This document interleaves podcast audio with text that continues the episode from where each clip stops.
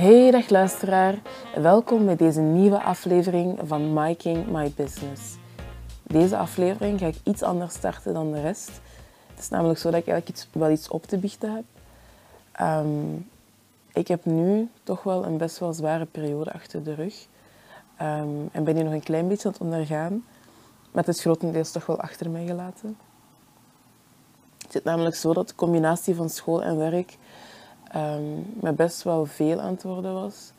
Um, en het feit dat ik moeite heb met mijn rust in te plannen, dat heeft dat niet goed gedaan.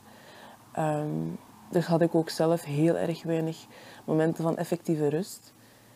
Het, was dus dan ook, allee, het is dus dan ook zo dat mijn nachten momenteel, en nu nog, toen en nu nog, nog steeds eigenlijk, bestaan uit vier tot maximum vijf uur slapen. En als ik vijf uur heb geslapen, heb ik echt uitgeslapen. En ja, natuurlijk weet ik dat dat niet gezond is. Dat is ook heel erg slecht om, dat is heel moeilijk om vol te houden.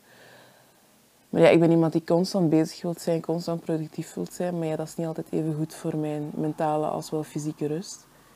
En dat heeft er eigenlijk wel voor gezorgd dat ik extreem, extreem vermoeid ben geraakt.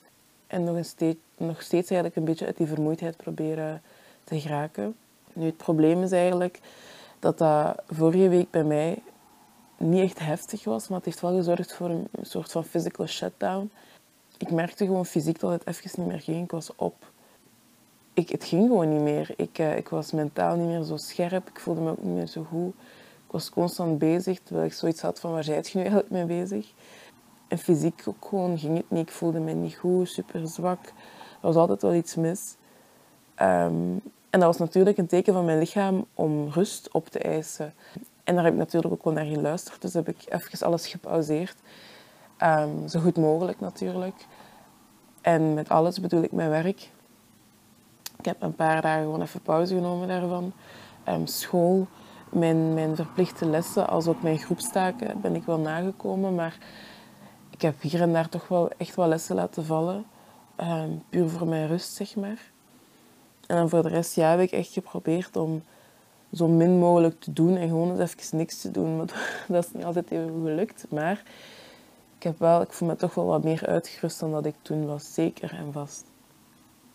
Nu voor zij die een beetje scherp zijn en wat opletten op dat vlak, hebben het waarschijnlijk wel gemerkt. Maar ik kan wel geloven dat dat niet voor iedereen zo was. Deze aflevering is te laat. Deze aflevering zou normaal gezien vorige week maandag um, op 1 december um, online moeten komen. Of nog niet 1 december. Ik... Ah nee, dat is helemaal niet 1 december. Um, dat is nog eind uh, november. Maar deze aflevering zou normaal gezien eind november um, op de maandag online moeten komen. Maar dat was niet zo. Het ding is zo, zoals ik dan zei, het mentale ging gewoon niet. Ik forceerde heel veel, maar dat was nooit kwalitatief. Dat ging nooit niet goed. Zowel op vlak van school, als een beetje werk, als nu dan ook mijn podcast. Ik heb mijn aflevering voorbereid en ik was ook aan het opnemen, maar terwijl ik aan het spreken was, merkte ik dat het gewoon echt niet ging. En ik heb geprobeerd en geprobeerd en geprobeerd, maar het ging gewoon niet. Um, dus heb ik dan ook voor, ervoor gekozen om gewoon ja, te stoppen. Ik heb, ik heb de opname gestopt, ik ben gewoon in bed gaan liggen en ik was er even klaar mee voor een week. Um, zoals ook deze aflevering. Ik, um, ik was gisteren al begonnen met die op te nemen. En ik heb gisteren misschien zes keer geprobeerd, maar het ging gewoon niet, omdat ik me mentaal zo... Ja, ik zat nog een beetje vast, dus heb ik het ook laten vallen gewoon gisteren. Um, gisteren nacht, of course. Um, ben ik nu een beetje vroeger opgestaan om het toch nog um, op te nemen. En ik voel me ook wel rustiger. Ik voel ook wel dat het beter gaat. Dus ik ben zeker en vast tevreden op dat vlak. Maar, dus dat was de reden van uh, uitstel van de opname ik voelde mij mentaal gewoon even, uh, even een break had ik nodig. Nu, het zit ook wel zo, het is nu momenteel ook winter, het is koud buiten, het is ook langer donker. Um, de blok komt eraan. En ja, al deze dingen daarbij ben ik in mijn hoofd wel een beetje bezig. En ik heb gemerkt dat dat toch wel een bepaalde trigger voor mij vormt. Nu, wat betekent trigger voor mij persoonlijk? Een trigger is een indicator die aantoont van welke ervaringen ik nog moet helen of welke ervaring ik nog moet leren verwerken. Dus ja, je kunt het al, uh, je kunt het al raden. Deze aflevering zal gaan over mentale gezondheid. Um, ja, ik ben, ik ben geen psycholoog, geen therapeut, niks. Ik ben gewoon Sarah. Maar het is volgens mij wel echt belangrijk om hierover te praten, dus ga ik dat zeker en vast ook doen. Ehm, en ik ga me dat niet laten tegenhouden. Het is niet omdat ik geen professionele achtergrond heb dat ik hier niet kan of mag over praten. Dus ja, dat ga ik ook doen. Nu, wat, uh, waar ben ik nu van het hele? Of ik hoor al denken van, oké Sarah, wat heb je nu meegemaakt of zo? Wat is het probleem juist? Het zo, ik zelf ben aan het helen van een burn-out. Die later is ontwikkeld tot een depressie. En die, die depressie ben ik overkomen, maar ik merk, of ja, ik weet dat ik tot de dag vandaag, van vandaag nog steeds last heb van um, angsten, dagelijks, um, waarmee ik moet leren omgaan. Um, en ja, dat is mijn realiteit, maar daar ga ik later wel nog een beetje verder over praten. Nu, wat is concreet mijn doel voor deze aflevering? Wel, allereerst was mijn grote motivatie om deze uh, voor, voor het opnemen van deze aflevering was toch wel eens een keertje echt praten over mentale gezondheid. Sans gêne. Je kunt wel zeggen dat je je wat minder voelt, maar zeg dan ook even serieus wat het scheelt. Hoe voelt je je? Wat is het probleem? Wat doet je dat er misschien anders is? Of snap je een keer echt erover praten? Natuurlijk, ik ga niet tot in detail treden. De persoonlijke dingen blijven persoonlijk en dat hoef ik niet te delen en dat ga ik ook niet doen. Maar ik denk dat ik uh, toch wel genoeg wil delen. Um, omdat ik gewoon weet dat ik hier niet de enige in ben en dat ik hier niet alleen mee zit. Nu, daarnaast kan ik ook wel geloven dat uh, met de, constante, de constant veranderende maatregelen um, er heel veel onzekerheden zijn bij andere mensen. Maar ik kan wel toegeven dat dat bij mij toch wel zo is. Deze pandemie um, duurt nu al hoe lang? ik herinner mij dat echt nog maar vaag.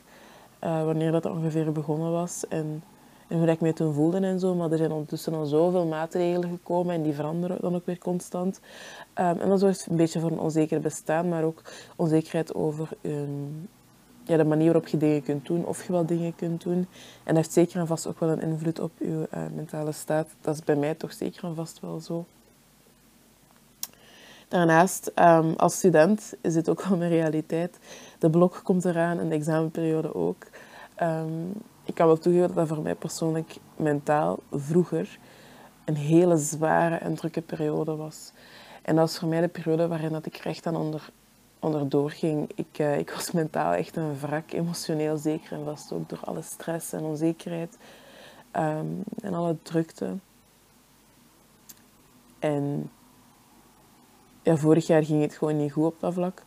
Maar ik probeer wel echt en ik hou mijn hart ervoor vast dat ik uh, het dit jaar anders ga aanpakken. Um, maar ja, we zullen wel zien. Maar ik geloof erin dat het wel goed zal komen. En daarnaast, ook niet, zeker en vast niet onbelangrijk, de feestdagen. Nu, voor iedereen, de feestdagen zijn momenten waar dat iedereen toch wel, allee, veel mensen naar uitkijken. Maar we mogen niet vergeten dat het niet voor iedereen een fijne periode is. Niet iedereen heeft een familie om deze feestdagen mee te, te vieren. Niet iedereen heeft de financiële middelen om deze feestdagen eventueel te vieren of viert zelfs uh, zulke feesten. Of je weet, heeft gewoon niet iedereen een plaats of een groep mensen of gewoon iemand waar ze zich um, veilig bij voelen. Um, je? Waar ze zich emotioneel en fysiek en gewoon op alle vlakken veilig bij voelen en op een plaats voelen om zulke feesten te vieren. En dan kan ik zeker vast ook wel begrijpen dat voor um, die mensen um, ja, de feestdagen geen mooie periode zijn. En voor hun kan het zeker en vast mentaal ook toch wel een best wel zware periode zijn om uh, ja, andere mensen daarmee bezig te zien. Dus hun mogen we zeker en vast ook niet vergeten. Nu, um, zal ik even mijn persoonlijke verhaal even kaderen, zodat het misschien voor jou... Uh, alleen misschien, ik ben zeker dat het voor jou dan wel duidelijker zal worden hoe dat het komt dat ik mij um, op die manier ben gaan voelen. En hoe dat het komt dat ik ja, die ervaring heb gehad. Dus het zit eigenlijk zo dat ik eigenlijk al uh, vanaf mijn 15 jaar al ben beginnen werken. Zoveel ik eigenlijk kon. En dan vanaf mijn 16 jaar um, was het toch wel een noodzaak voor mij om te werken. Mijn ouders waren er wel om mijn basisnoden te voorzien. Maar was het wel verwacht dat ik um, ja, zoveel mogelijk zou werken en toch wel uh, verantwoordelijk zou zijn. Dit is ook zeker en vast cultureel gebonden. Um, ik ben van Ghanese afkomst. En in mijn cultuur is dat niet meer dan normaal dat van zodra je kunt gaan werken, je dat ook gaat doen. En je eigen geld verdient. Ehm, natuurlijk is school extreem, extreem belangrijk. En educatie is heel erg belangrijk. In mijn cultuur als ook in mijn familie. Ehm, maar daarnaast is werk ook belangrijk. Die uh, verantwoordelijkheid is heel erg belangrijk. Nu, het zit zo. Dus ik was al 16 jaar in de periode dat ik steeds, allez, dat ik heel veel ging werken. Op een constante basis. En dat zorgde eigenlijk voor een soort van gedwongen zelfstandigheid. Ik moest, snap je? Het is niet dat ik gedwongen werd om te gaan werken, maar het was wel zo dat dat van mij verwacht. En moest ik van jongs af aan al heel erg zelfstandig worden op vlak van ja, werk zoeken, um, gaan werken, dat werk ook onderhouden, um, met geld leren omgaan. Um, ja, en alles wat er eigenlijk bij komt kijken. En dat heeft er dan ook wel voor gezorgd dat ik sinds een zeer jonge leeftijd al een hele sterke tunnelvisie had. En voor mij waren mijn prioriteiten voornamelijk school, werk en sport. En ja, voor iemand van 16, dat is wel goed dat je daaraan denkt, maar heel veel mensen, um, heel veel mensen in mijn omgeving, mijn leeftijdsgenoten, mijn vrienden, die hadden heel andere prioriteiten. Ook wel die, maar niet zo sterk. En die waren ook met heel andere dingen bezig. Um, wat ook wel normaal is natuurlijk. Maar ja, voor mij was al sinds jongs af aan dat ik dat heel sterk aanwezig was. Um, om enkel bezig te zijn met mijn prioriteiten. Nu, bijvoorbeeld, ik zat bij de Giro vroeger um, en ik deed dat altijd heel graag, tot ik na een tijd zoiets had. En dat is niet om slecht te praten over de Giro, ik heb daar heel fijne momenten gehad. Maar na een tijd had ik echt zoiets van, maar alleen kom aan, ik ga maandag tot vrijdag naar school, woensdag namiddag ga ik werken en zaterdag ga ik werken. Waarom in godsnaam zou ik op zondag in de namiddag buiten in een bos spelletjes gaan spelen? Het, het klopte zo niet meer in mijn, in mijn levenswijze en in mijn denkwijze. Um, het was ook zo dat zondag eigenlijk mijn enige rustdag was. Het was mijn rustdag, zoals zowel ook um, mijn studiedag. Op zondag zou ik alles een beetje um, bekijken en inhalen wat ik nog niet had gedaan. Dus ja, voor mij was er dan geen ruimte om naar de Giro te gaan. Ook had ik, deed ik zangles. Uh, ik zat op zang. Of op de muziekschool, zeg maar. Excuseer mij. En ik deed dat zo graag. Mijn hartje was echt gelukkig wanneer ik uh, kon zingen. Maar ja, na een tijd, zoals ik dan al zei op woensdagnamiddag, um, ging ik werken. Dus dan had ik geen ruimte meer voor, voor zang. En dan doorheen de week was het wat moeilijker, omdat ik dan zo moe was, moest ik mijn tijd toch wel een beetje verdelen. Um, er is ook wel een periode geweest dat ik um, doorheen de week uh, ook gewoon ging werken, maandag tot vrijdag. Nee, maandag tot uh, zondag. Ik ging elke dag werken. Er was een, een, een, zaak bij ons uh, in de straat, of is nog steeds een zaak bij ons in de straat. Maar ik ging daar vroeger gewoon werken, na het school een paar uurtjes. Maar ja, als je, als je een hele dag naar school gaat en huiswerk moet maken en moet gaan werken en pas om 9, 10 uur thuis bent en dan nog moet gaan slapen of studeren, eten, slapen, dat het wordt een beetje veel. En fait, ik ging vroeger ook naar vuiven. Ik heb dat een tijdje geprobeerd. Ik vond dat ook, nou, het is niet echt mijn ding geweest, maar ik heb het wel gedaan. Um, maar na een tijd deed ik dat ook gewoon niet meer. Waarom? Ik had daar gewoon geen tijd voor. En al kon ik daar tijd voor maken, was ik te moe om het echt leuk te vinden wanneer ik daar was. Dus deed ik dat gewoon niet meer. Um, en hetzelfde ook voor, voor, voor leuke dingen doen en chillen na school. Um, ja, die woensdagen had ik al niet meer. Mijn weekend was heel moeilijk om daaraan te spenderen. Dus dat was dan doorheen de week. Maar ja, dan, dan heb je zo'n lange en drukke dagen dat er bijna geen tijd voor wordt gemaakt. En ik heb het heel lang geprobeerd en hier en daar echt moeite gedaan om een beetje te schuiven, maar dat werd steeds moeilijker en moeilijker. Dus je kunt wel merken dat die tunnelvisie ervoor heeft gezorgd dat het heel moeilijk werd voor mij om me eigenlijk met andere dingen bezig te houden buiten school, werk en sport. En met sport bedoel ik fitness. Um, dat was vrij dicht bij mijn school. En ook op weg naar huis. Dus dat was heel gemakkelijk voor mij om na school terug te gaan sporten en dan naar huis te gaan. Um, dus op dat vlak had ik eigenlijk niet echt veel moeite. Nu, het gevolg hiervan was toch wel wat zwaarder dan ik uh, me toen destijds had ingebeeld, omdat ik eigenlijk me ooit zou kunnen inbeelden op die leeftijd. Geleidelijk aan werd ik uh, steeds meer en meer sociaal geïsoleerd. Dus ik heb dan al uitgelegd hoe dat het moeilijker werd voor mij om af te spreken met um, leeftijdsgenoten, um, vrienden, klasgenoten, whatever. En dat zorgde er gewoon voor dat ik mezelf sociaal steeds meer en meer isoleerde. Um, op school had ik ook echt een periode waarin het zo zwaar was met het combineren van werk en school, dat ik eigenlijk gewoon tijdens de pauze En dan bedoel ik gewoon de middagpauze, gewoon niet meer bij mensen ging zitten en gewoon alleen zat te eten en aan mijn schoolwerk bezig was, omdat ik wist dat ik na school daar niet zoveel tijd aan zou kunnen spenderen als dat ik zelf zou willen. Um, dus probeerde ik altijd mijn tijd zo efficiënt mogelijk in te vullen. Ehm, en daarin heb ik het sociale aspect heel, heel vaak ehm, toch wel laten vallen. En dat heeft zeker en vast ook over problemen gezorgd binnenin de vriendschappen die ik had, die wel sterk waren. en er zijn nog steeds mensen tot nu toe, die ik tot nu toe nog goed ken en waar ik nog goed mee ben. Die me ook zeggen van, wow Sarah, toen werd het toch wel echt heftig. en ik heb ook heel veel, heel veel, ik heb ruzies gehad daardoor. En mensen laten vallen en, en, en, vriendschappen die zijn uh, verwaterd en zo. Maar ja, dat is, wat, dat is nu de realiteit en uh, daar kan ik weinig aan veranderen. Het probleem was ook in die periode um, dat ik eigenlijk constant vermoeid was. Ook al sliep ik vrij weinig, zoals nu dan eigenlijk, ben ik wel altijd moe en slaap ik zoveel mogelijk wanneer ik kan. Dus wanneer ik onderweg ben, in de bus of in de trein of zelfs in de auto, ik, niet wanneer ik rijd natuurlijk. maar um, dan probeer ik gewoon te slapen. Al is het maar vijf tot tien minuutjes. Gewoon even ogen dicht en mijn rust pakken. Maar ook in de les. En dat is wel heel erg, maar het is zo, als mijn lichaam vermoeid is en ik ben moe, dan kan ik gewoon niet wakker blijven. Ik kan mezelf wel forceren om in die ruimte te zijn, maar ik kan me niet forceren om op te letten um, en attentief te zijn. Nu, die vermoeidheid zorgde dan weer voor onzekerheid. Bijvoorbeeld op vlak van school, ja, ik was daar heel onzeker over, want ik zat dan in de les, maar ik was dan half aan het slapen. En dan ziet je er niet uit als een student die haar best doet om daar te zijn en op te letten. Terwijl ik juist heel veel waarde hechtte aan school en educatie en, en de leerstof, was het gewoon moeilijk voor mij, fysiek en mentaal, om in die ruimte te zitten. Ehm, gewoon omdat ik moe was. En ik wist dat ik eruit zag als ehm, iemand die geen moeite deed of, of uh, die geen interesse had of zo. Maar daar het was juist wel zo en daar werd ik dan wel heel onzeker van. Ehm, want mijn bewijsdrang was zo groot. Ehm, en het feit dat mijn lichaam mij dan tegenhield om goed op te letten, ja, daar, had ik het wel echt moeilijk mee. En ja, het feit dat ik vermoeid was en constant onzeker, ja, dan, had ik ook wel last van stress, constante stress dan weer. En ja, als je het woord constant hoort, dan weet je, dit is niet gezond. Constant vermoeid, constant onzeker en constant gestresseerd dat ehm, heeft heel veel negatieve effecten op je lichaam, zowel emotioneel, um, mentaal als ook fysiek.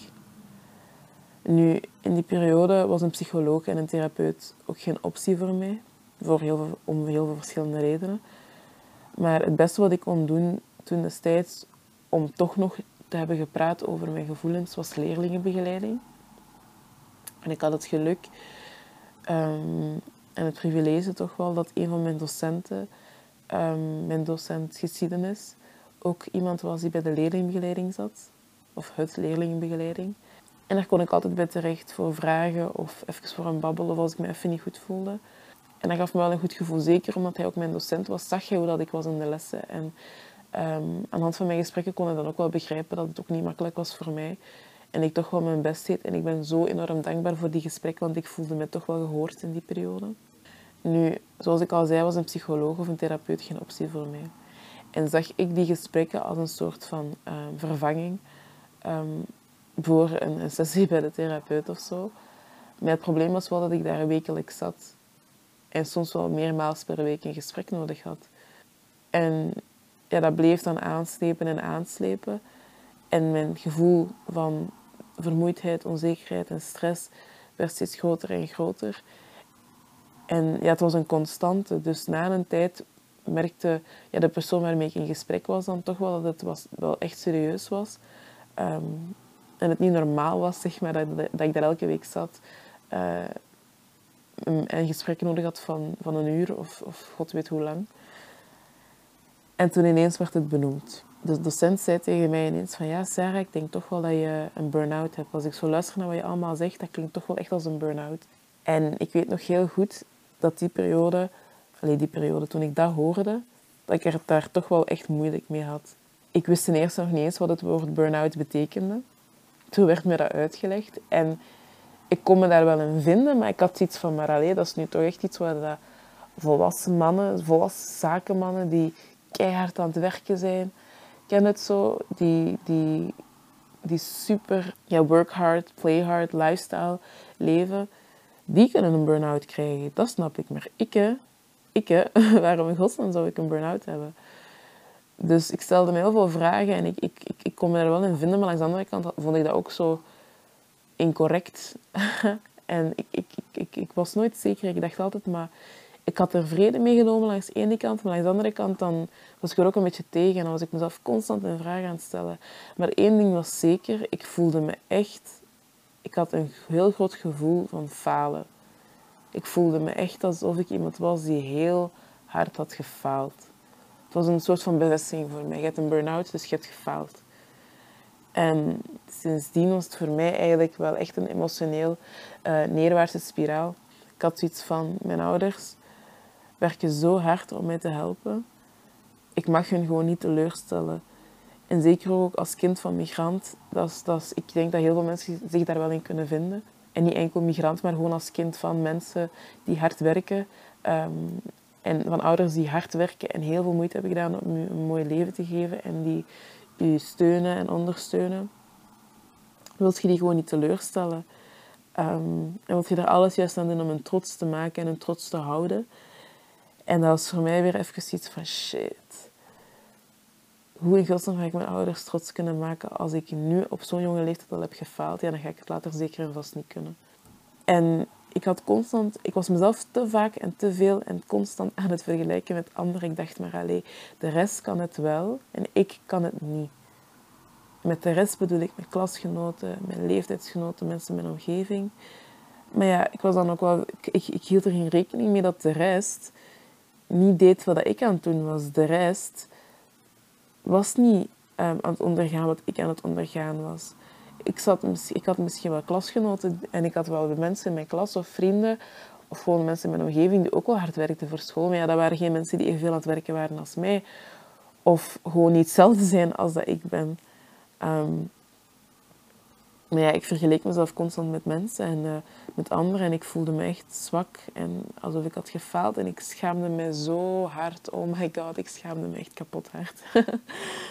um, En dat is wel echt erg als ik er nu op terugkijk. Ik schaamde me echt enorm. En ik had heel lang niet durven zeggen thuis. Ehm, en ook naar de mensen in mijn omgeving heb je dat ook niet echt durven zeggen. En tegen de mensen waar ik het tegen zei, dan, dat was heel moeilijk voor mij om daarover te praten. En ja, het was geen, goeie, um, was geen goed moment voor mij. Het probleem is, Sarah zou Sarah niet zijn, of ja, ik zou mezelf niet zijn, als ik hieruit geen ongezonde motivatie had gehaald. Ik dacht, ja, oké, ze hebben me nu wel gezegd dat ik een burn-out heb, um, of ga krijgen, of whatever. Of een, een zware burn-out ga krijgen. Um, maar ik ga daar tegen vechten. Ik ga tien keer harder werken. Ik ga nog meer doen. Um, en ik ga dat halen. Maar mijn probleem was dat ik toen steeds niet inzag dat een burn-out niet per se betekent het is gedaan voor u, stop maar, uh, je gaat niks meer bereiken. Maar zo zag ik het wel. En daarom juist ook dat ik iets had van oké, okay, dat gaat me niet tegenhouden. Ik ga nog harder gaan, ik ga nog harder werken. Um, maar ja, dus die ongezonde levensstijl ben ik gewoon blijven aanhouden. Mijn tunnelvisie werd nauwer en nauwer en ik ben harder en harder gaan werken. Maar ook langere uren gaan doen. Um, ook op werk, maar ook um, op vlak van studeren en slaap bestond bijna niet voor mij. En dat heb ik eigenlijk, uh, ben ik blijven aanhouden. En het zit dan zo, ik ben uiteindelijk dan wel afgestudeerd van het middelbaar, maar ja, hoe?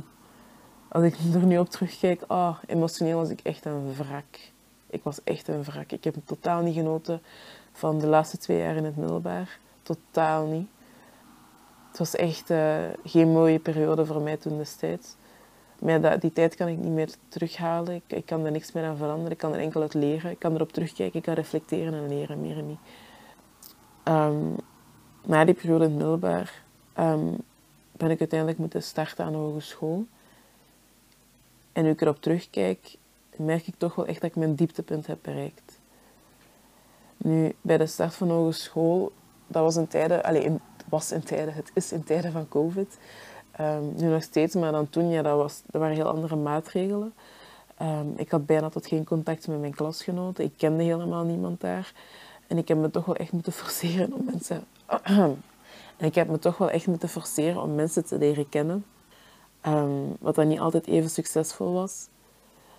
Maar het is dan eigenlijk zo, bij de start van hogeschool besefte ik, en dat was wel erg, maar dat was echt in, in de eerste weken van het eerste semester, besefte ik dat ik mijn burn-out nooit goed had aangepakt. Want ik was nog steeds elke dag vermoeid. En nog steeds elke dag onzeker. En nog steeds constant gestresseerd. En nog steeds sociaal geïsoleerd. Ik had totaal geen sterke basis.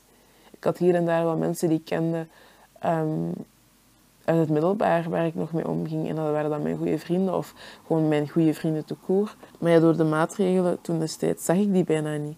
Daarnaast ook gewoon werk. Ja, werk was werk. Dus niet dat ik daar kom en dat, daar kom om te feesten en uh, snap om, te, om te ontspannen of zo totaal niet.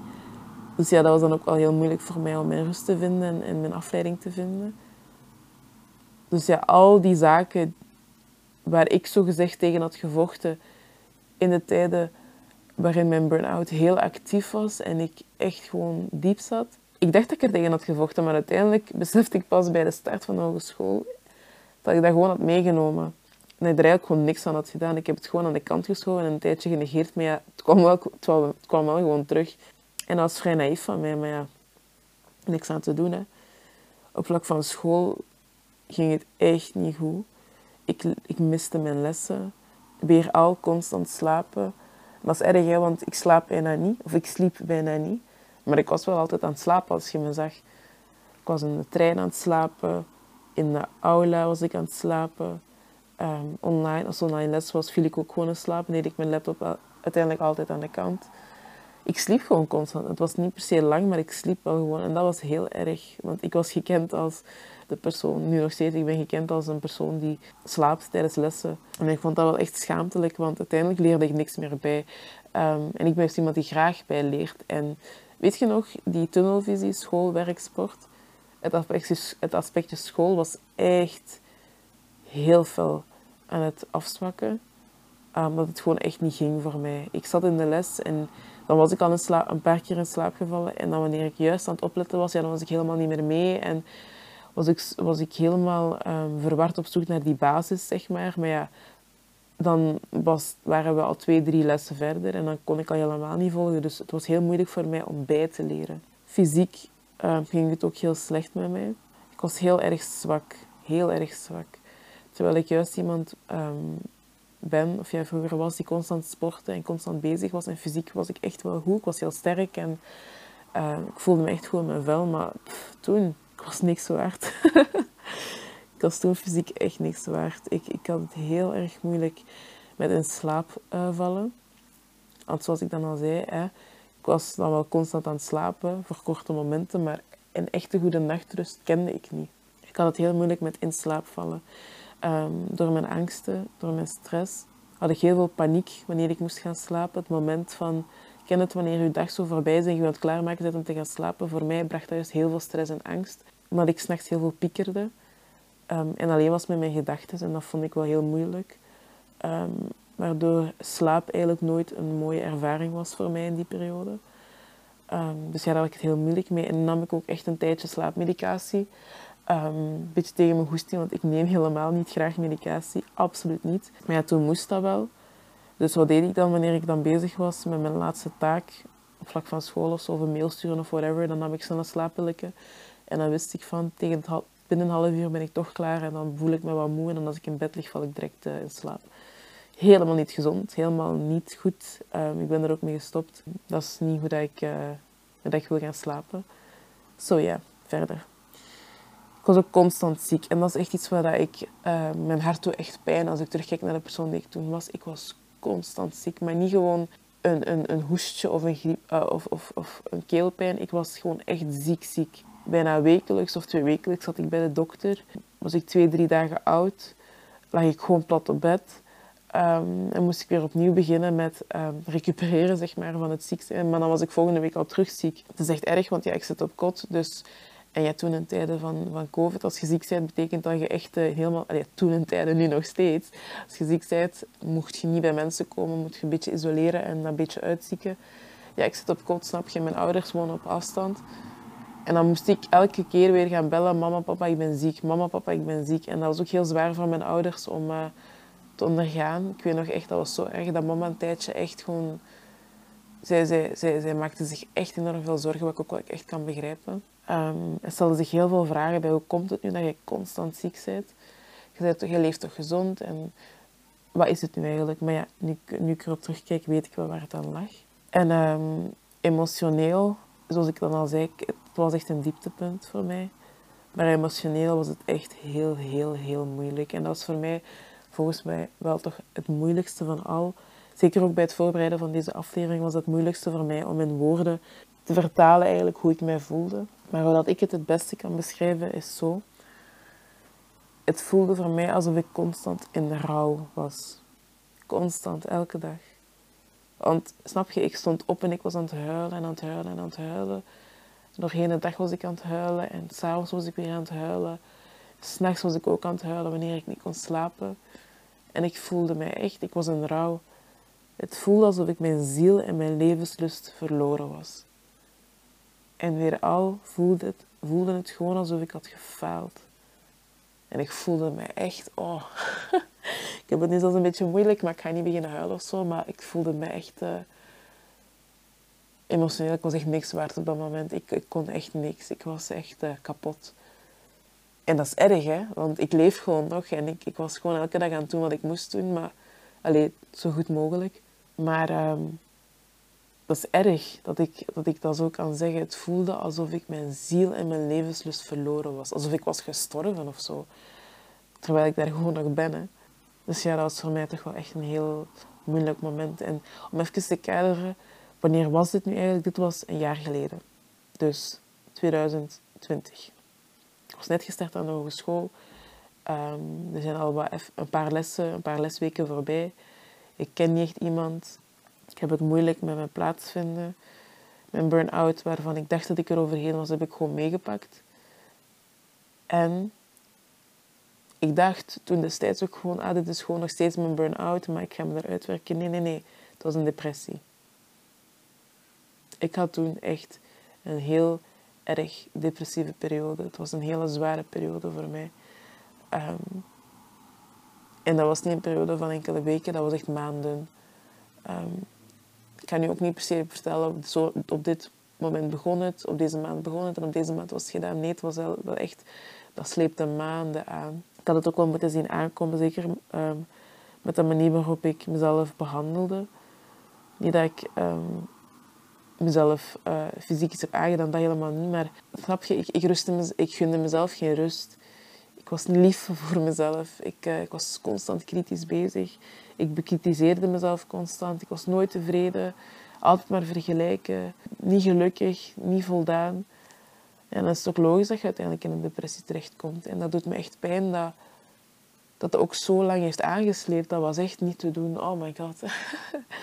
dat was echt niet te doen. Nu uiteindelijk maanden gingen voorbij. En ik zat diep, maar ik besefte eindelijk wel echt dat ik hulp nodig had. Dus dacht ik van oké, ik besefte gewoon, allez, ik, ik besefte op dat moment gewoon echt van kijk Sarah, je kunt het gewoon echt niet meer alleen. Ik heb het geprobeerd bij het verwerken van mijn burn-out, maar ik heb het alleen maar erger gemaakt. Nu ben ik depressief, what the fuck. ik had eigenlijk een keer opnieuw terug dat besef van what the fuck, dit is mijn realiteit. Ik ben depressief. En ik kan dat tegen niemand zeggen. Want ik voelde me beschaamd en ik durfde dat niet zeggen. En ik verborg het. Maar ik zat wel elke dag te huilen en, en snapte en ik was, ik, was gewoon, ik was het beu en ik wist gewoon dat ik het echt niet alleen kon. Maar ik wist natuurlijk ook, dat was mijn eerste ervaring daarmee en ik wist niet hoe, hoe daarmee om te gaan en waar ik daarmee terecht kon. Dus ben ik allereerst begonnen met wat ik wist dat ik kon doen. En dat was eerlijk mijn gevoel delen. Dus keerde ik me naar de mensen waar ik mij veilig bij voelde. En waarvan ik voelde dat ik mijn ervaring kon delen en waarin ik niet beoordeeld zou worden. En ik heb heel veel lange gesprekken gehad. Heel veel moeilijke gesprekken gehad, heel veel emotionele gesprekken gehad. Um, het erge was ook dat heel veel mensen zich wel, ja, hoe moet ik het zeggen, um, geschrokken voelden bij het feit dat ik het zo goed had verborgen. Want snap je, ik ging gewoon naar school, ik ging werken, ik ging ik was onder de mensen zoveel ik kon en ik deed gewoon alsof er niks aan de hand was. En heel veel mensen hadden dat ook gewoon niet door. En natuurlijk, hier en daar kon je dat wel zien aan mij, maar ik deed echt wel mijn best om het te verbergen. Dus wat, ik heb die gesprekken gehad en ik heb eerlijk mijn gevoel gedeeld. En daarnaast ging, daarna ging ik dan samen met die mensen kijken naar uh, mijn mogelijkheden. En met mogelijkheden bedoel ik, uh, oké Sarah, wat wilt je nog doen? Wat kunt je nog doen? En waarvoor heb je de motivatie om terug opnieuw uh, te vechten en op te staan en gewoon het leven even terug met je beide handen te grijpen? En daaruit heb je dan mijn motivatie gehaald om het eindelijk hulp van anderen te aanvaarden. En met hulp van anderen bedoel ik dan ook um, mijn vriend. In onze relatie was het heel moeilijk voor mij om zijn hulp te aanvaarden, want hij is iemand die mij heel graag wil helpen, maar ik ben een super koppige persoon en ik wil altijd alles zelf doen. En ik zeg hem ook altijd, I'm a strong, independent woman, I don't need you, maar ik had hem wel echt nodig aan mij. Dus ja, ik heb eindelijk hulp aanvaard van mijn vriend, die heeft mij zo goed geholpen. Ik heb eindelijk ook hulp aanvaard van een psycholoog, mijn studiebegeleider en dan andere naasten. En dat was heel moeilijk voor mij, want uiteindelijk dan, dan zit je daarmee. Het is één ding om met die gevoelens te zitten en dat te ondergaan. Maar het is iets helemaal anders om, dat, om je gevoelens uit te spreken naar een ander toe. En natuurlijk weet je dat die mensen je willen helpen, dus dan moet je dat ook nog eens aanvaarden. Het is niet, het is niet vanzelfsprekend. En ik had het daar heel lang moeilijk mee. Ik heb zoveel ruzie gehad en ik heb zoveel momenten gehad dat ik kwaad was en mij gewoon echt slecht voelde. Dat ik zoiets had van, maar laat me allemaal gewoon gerust, ik doe het zelf wel. Ik raak er wel uit. Maar, als je dat maanden aan een stuk ziet, ah, ja, ziet, ziet doorgaan, ja, dan weet je dat dat niet gaat gaan. Dus ja, ik heb die hulp uiteindelijk aanvaard en heeft me ook wel echt goed gedaan. Nu, hetgeen dat ik ook wel ben gaan beseffen nadat ik dat heb gedaan, dus die stap heb genomen, is dat het een proces is. Op het moment waarop het beter gaat met mij, word ik vaak toch wel droevig, omdat ik me realiseer hoeveel mooie momenten ik heb gemist.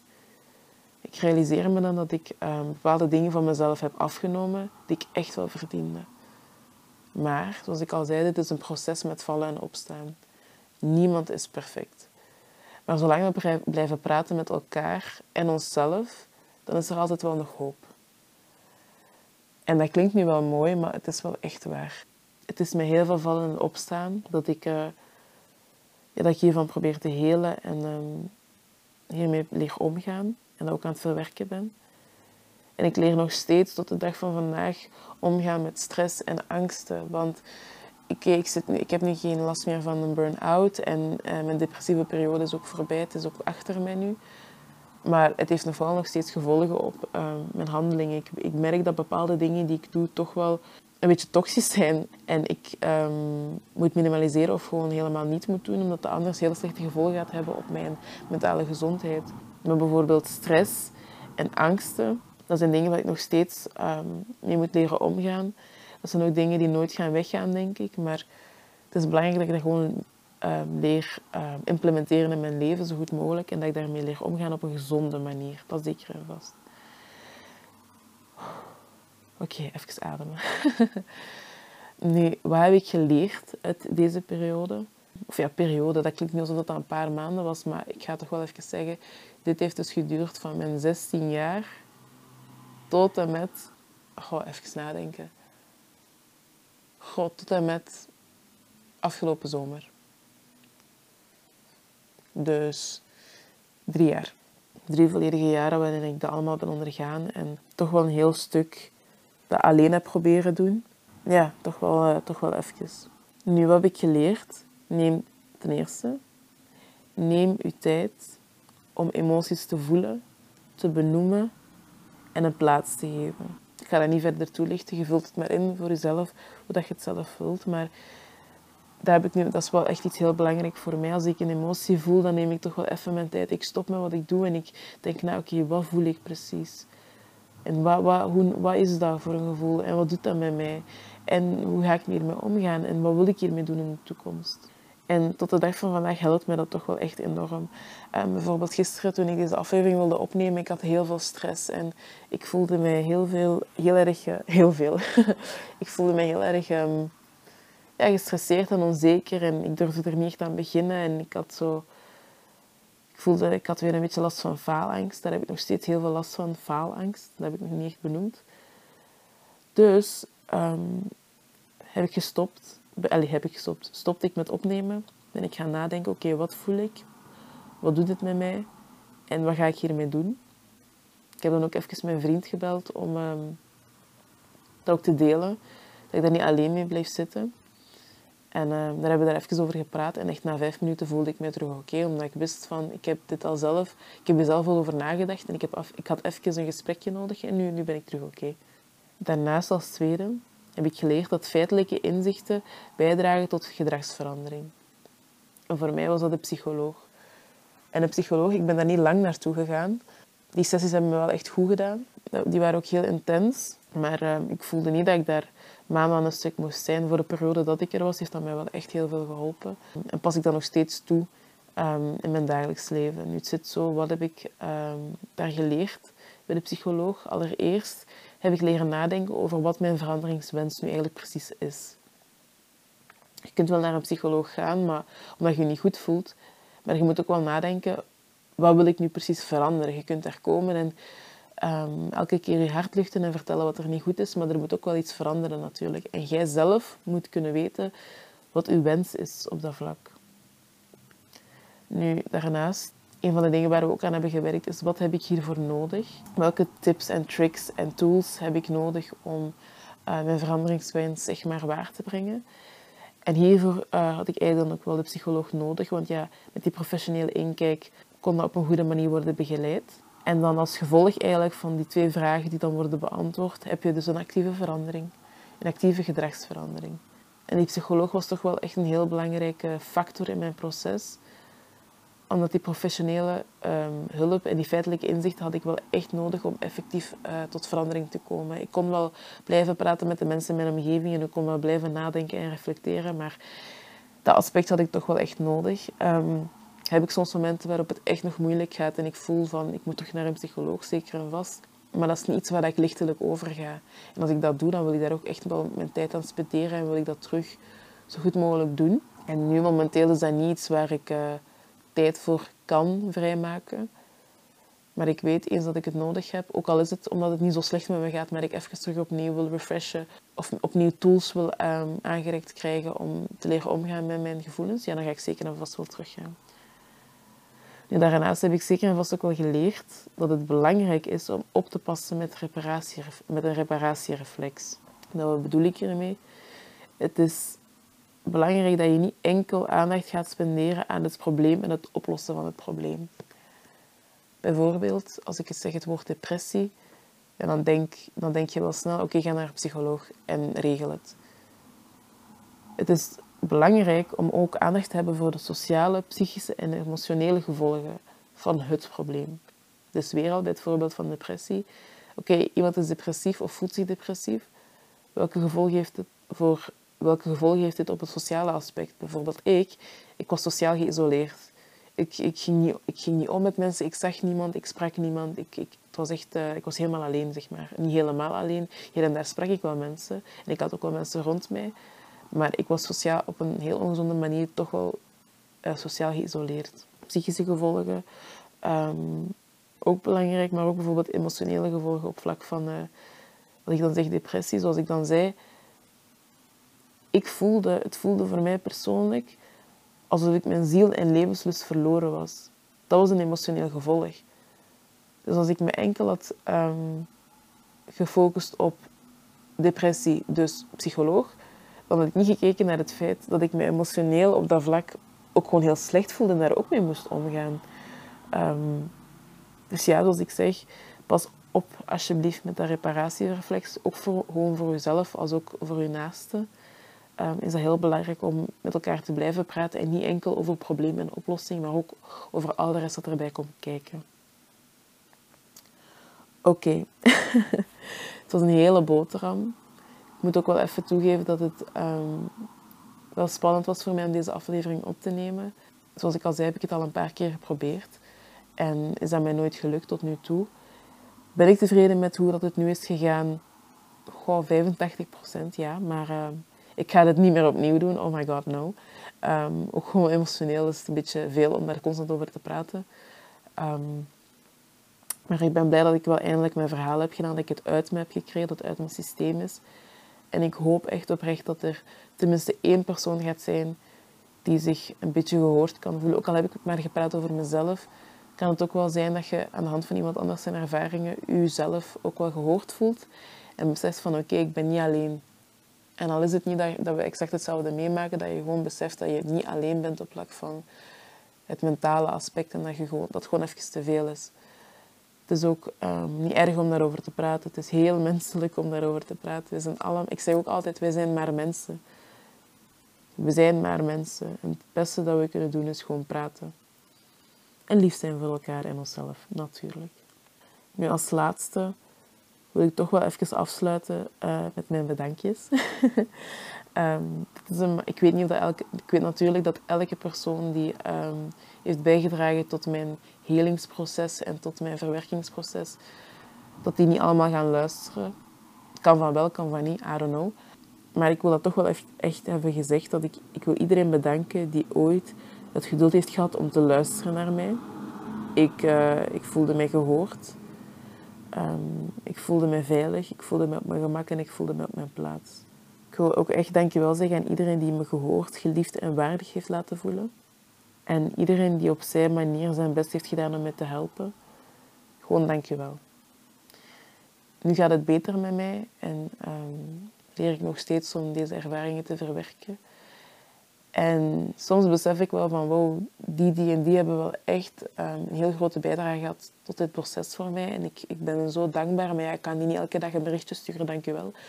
Um, of ik zie die misschien niet allemaal, die allemaal niet meer, of ik spreek hun niet meer.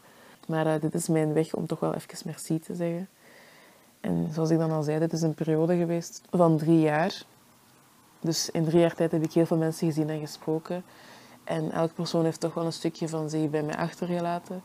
Die ik tot de dag van vandaag met mij meedraag. Alle gesprekken draag ik met mij mee, alle tips draag ik met me mee en daar denk ik nog steeds aan.